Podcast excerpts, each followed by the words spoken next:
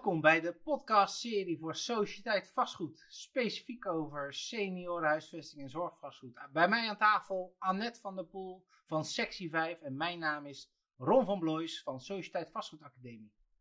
Hi Ron, Hi, goedemorgen is het nog eigenlijk hè? Morgen ja. Annette. Ja. Vandaag een toch wel fascinerend thema, namelijk beleggen in zorgvastgoed.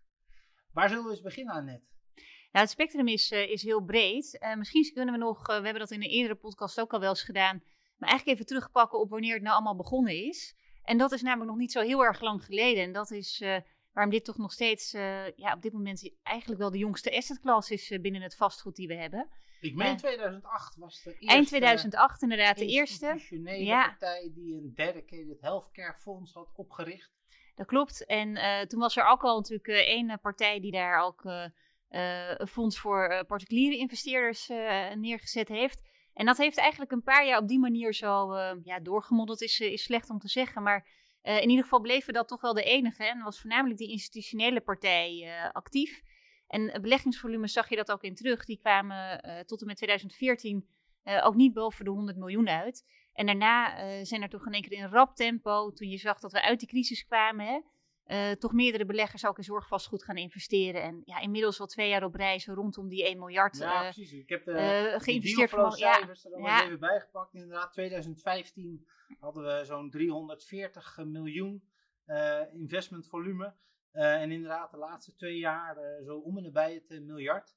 Ehm, en als je dat dan weer mooi, hè, daar ben ik dan weer van, op pan-Europees niveau beschouwd, laat staan dat je ook nog naar de Amerikaanse markt kijkt die eigenlijk al 30 tot 50 jaar lang een hele solide, uh, en met name de REITs uh, die daar actief ja. zijn. Uh, want we spreken toch wel op pan-Europees niveau over zo'n 7 miljard aan, aan jaarlijkse dealflow in deze asset class.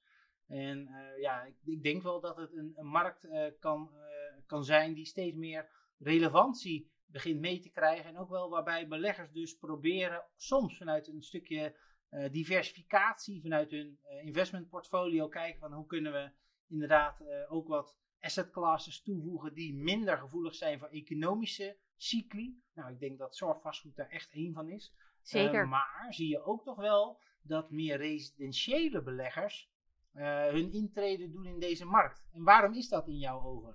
Nou, ik kan me dat heel goed voorstellen, zeker als je kijkt naar het senior housing deel. En daar is altijd de discussie over: is dat zorgvastgoed, is dat uh, uh, woningvastgoed?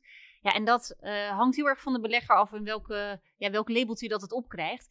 Maar dat is natuurlijk eigenlijk maar een heel klein stapje vanaf residentieel naar, ehm, naar ja, toch eigenlijk ook wel zorgvastgoed. Ja. En is dat dan in jouw ogen iets waar een individueel huurcontract op zit of een masterlease? En dat hangt er vanaf, in mijn ogen, zwaarte van de zorg. Hè, uh, individuele huurcontracten, zeker over die, uh, die ouderen waar we het eerder over gehad hebben, die je misschien niet eens ouderen moet noemen. Die wonen gewoon ergens, die huren gewoon ergens. En ook als zij zorg nodig hebben, dan zal het in eerste instantie uh, toch gaan om thuiszorg. Hè, dus niet om dat, dat intramurale budget wat we eerder ook geduid hebben. Uh, dus ja, losse huurcontracten, dat denk ik wel. Ja. ja. Tenzij je specifieke concepten hebt, hè, daar heb je nog wat uitzonderingen op zitten. Ja, maar waar ik erg benieuwd naar ben, uh, is uh, wat ook buitenlandse operators daarin gaan meebrengen. Omdat we zeker wel in buitenlands perspectief zien dat daar eigenlijk service operators zijn. Ja. Dus partijen die echt core business hebben gemaakt van servicepakketten rondom die senior. Uh, je zou ook kunnen zeggen dat we eigenlijk in Nederland vroeger dat soort partijen hadden, hè, namelijk de service flats. En die werden geëxporteerd door partijen die heel erg vraaggericht alle uh, diensten rondom die senior organiseerden. Uh, je ziet daar buitenlandse partijen ook echt wel die daarin gespecialiseerd zijn. Ik ben echt benieuwd in hoeverre die partijen ook in Nederland gaan landen. Ja, de, de, dus ik weet dat ze heel graag willen landen. Ja. En ook de, de partijen die al reeds in Nederland zitten, ook wel graag dat concept verder uit willen rollen. Ja.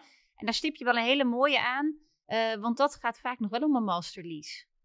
Zeker, ja, en waarbij en ook denk ik wel de, nou een beetje de zoektocht is dat dus de zorginstelling, daar waar het dus om met name wonen voor senioren en de zorgvraag laag is, dat zorginstellingen daar veelal toch vanuit strategisch perspectief hebben gezegd, daar gaan we geen risico meer op lopen. Oftewel de masterlease verplichting, uh, willen wij niet over uh, een, een, residentieel woonproduct hebben, omdat dat ook niet onze core business is. In hoeverre kun jij zorginstellingen daarbij volgen in die strategische afweging? Ja, die snap ik volkomen dat ze dat zeggen. Um, dat is vaak ook wel reden waarom zij een deel van dat vastgoed afstoten. Hè. En ze zijn, in basis zijn zij ook geen woningverhuurders. Ze zijn een zorginstelling en hun core business is het leveren van goede zorg. En daar zit bij, omdat het heel vaak, um, nou ja, toch mensen zijn, de, de, zorgbehoevende mensen of hun cliënten, toch mensen zijn die, waar ook specifieke uh, vorm van wonen of huisvesting bij hoort. Ja, daarbij is dat wel een belangrijk onderdeel ook van het goed kunnen leveren van zorg. Maar ik snap heel goed, als dat eigenlijk nog een gewone woning is, dat ze zeggen, ja, daar zijn andere partijen in de markt voor. Dat lijkt me eigenlijk ook heel, ja, een hele gezonde instelling. Ja, waarbij denk ik wel nog een, een type zorginstelling actief is, namelijk die soms vanuit het verleden ontstaan is vanuit de coöperatie. Dat die juist wel uh, het verhuren van vastgoed beschouwt tot haar core business. Uh, dus ik, ik zou ook willen zeggen, uh, verdiep je altijd in je klanten en met name ook welke core business en geschiedenis er heerst. En ook wel welke discussie er dus in die boardroom plaatsvindt. Want dit is volgens mij een heel belangrijke discussie die zeker door scheiden en wonen zorg hoog op de agenda gekomen is. En waar ook met name toezichthouders altijd kritisch op zijn. Ja. Dus waar wil je wel of niet je risico en je verplichting op hebben. Uh, en ik, ik denk ook wel dat dit echt een van de aspecten is waar de zorg- en vastgoedmarkt echt bij elkaar moet komen. Uh, maar waar een enorm uh, potentieel zit qua markt. Daar zit zeker een enorm potentieel, ja. Dan geografisch, daar ben ik echt benieuwd uh, hoe jij daar naar kijkt, uh, Annette. Omdat uh, inderdaad, als je dan de film een beetje terugdraait, dan begon de gemiddelde belegger toch erg in de Randstad. Nou, enorm. Dat was de G4. Ja. Ja. ze noemen dat vroeger ook wel het zwembroekje, geloof ik. waar men in belegde. Even het rompertje, heb ik hem ook. Ja. Toen werd het een rompertje, ja. hè? dus we gingen, nou ja, we gingen eigenlijk terug in onze leeftijdsfase naar de babytijd. Um, door met name buitenlandse beleggers is eigenlijk Nederland in toto misschien wel investable geworden. In hoeverre deel je die mening? Ja, die deel ik volledig. Uh, het hangt heel erg van het type belegger af of ze inderdaad nog, toch nog steeds vasthouden aan die regio's waar zij met woningen ook willen investeren, of dat ze breder durven kijken. Als je gaat kijken naar de opgave die er ligt, dan um, is dat niet altijd een regio um, waarin je nou um, heel groot in woningen wil investeren. Hè? Makkelijk voorbeeld, Noordoost-Groningen uh, is ook zeker een opgave qua vergrijzing. De vraag is of daar op de wat langere termijn nog een bevolkingsgroei is. Wat je toch wel ziet is als die wegvalt, hè, die bevolkingsgroei die ik net noemde, dan wordt het voor de meeste beleggers toch wel lastig. Um, maar goed, wat ik zei, verschil tussen beleggers. Er zijn er zeker die nog steeds vasthouden aan de Randstad, maar gelukkig kijken we ook breder. En particuliere beleggers, waarvan wij er natuurlijk ook één zijn, kijken zeker ook wel naar die regio daarbuiten. Uh, mits zo'n dorp niet te klein is. En. Maar daar stip je inderdaad een van de elementen in die ik toch wil highlighten. Meer in zijn algemene. Dat stel nou dat je een kleine kern hebt van, uh, nou noem eens 3000 eh, inwoners. Met wel degelijk een uh, stevige dubbele vergrijzing. Ja. en er behoefte is aan een kleinschalig appartementencomplex van 20, 25 eenheden. In hoeverre is daar dan een belegger voor te vinden in jouw ogen? Ja, die zijn wel wat lastiger. Laat ik het zo zeggen dat dat niet het product is wat het allermakkelijkste over de markt gaat. En dan hangt het er ook nog vanaf of dat die kleine kern van 3000 inwoners nou toevallig um, midden in het groene hart ligt. Of dat dat uh, op de grens met Duitsland ligt, ergens uh, in Zuid-Limburg. Dus dat, dat maakt dan ook nog wel weer uit. Uh, en waar je het dan eerder in moet gaan zoeken als het zo klein wordt. Als het dat kleine, die kleine kern is onderdeel van een grotere gemeente. In een wat makkelijker gebied, laat ik het zo zeggen verwacht ik dat er nog wel wat meerdere geïnteresseerden te vinden zijn. Als het echt in zo'n grensregio ligt, um, dan zal dat wellicht nog iemand moeten zijn die daar wat meer ook zelf uit de buurt komt, die dat interessant vindt om te investeren. Ja. En met name ook, hè, als je dan kijkt naar het beleggingsbeleid van beleggers, viel het mij wel op dat men uh, soms wat ruimer gaat kijken naar ook de verschillende soorten asset classes in de zorg. Namelijk dat naast senior housing en, langdurige zorg, dat soms de gehandicaptenzorg investable wordt dat men ook de medical office buildings of soms de zelfstandig behandelcentra's. Beschouwt. Kun je daar vanuit jouw beleggerscope eens wat uh? Ja, dat is, uh, het is dubbel qua beleid. Uh, bij sectie 5 zitten we van begin af aan al in gehandicapte zorg, omdat we daar juist ook, eh, als de business case daar klopt, mensen blijven daar ook lang wonen. En dus daar zien wij net zo goed ook een nou ja, goed investeerbaar product, om het zo maar te zeggen. Ehm, ZBC zie ik inderdaad ook klinieken Um, en ook medical offices. Vind ik een wat lastigere business case. Je ziet ook dat lang niet alle beleggers daarin willen investeren, omdat het in basis eigenlijk bijna kantoorvastgoed is. Ja, en hoe kijk je dan bijvoorbeeld naar de eerste lijn zorg, die ook steeds meer een mixed-use product wordt? Uh, eerste lijn zorg. Nou, je hebt beleggers die zich er specifiek op richten. Dat gaven we in een eerdere uh, podcast bespraken we dat ook al met elkaar.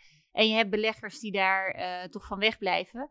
Wat het is met eerste lijn zorg, zeker interessant. En zeker als je een eerste lijn of anderhalve lijn zorgcentrum weet te creëren. Wat echt een, een kern van zorg wordt in een, in een gemeente of in een deel van een gemeente.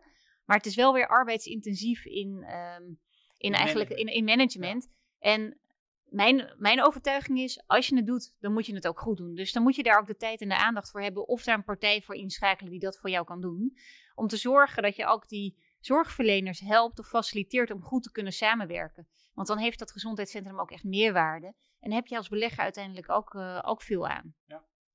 Nou, en uh, mooi, we beschreven al eerder de, de eigenlijk explosie in dealflow. Ja. En uh, dat is denk ik ook wel een beetje gedreven door de nou, dat er toch meer partijen in de markt komen. Hè. We hebben met name ook de buitenlandse partijen, de, de, de REITs die naar Nederland zijn gekomen. Ehm, dat heeft wel geleid tot yield compression. Nou, zeker weten, ja. Hoe, kijk jij, hoe volwassen zijn we dan? CQ, uh, hoeveel meer compression gaan we nog zien in de komende tijd? Ja, je merkt dat uh, die compression is natuurlijk niet alleen eh, bij zorg geweest, maar net zo goed in alle andere uh, asset classes binnen het vastgoed.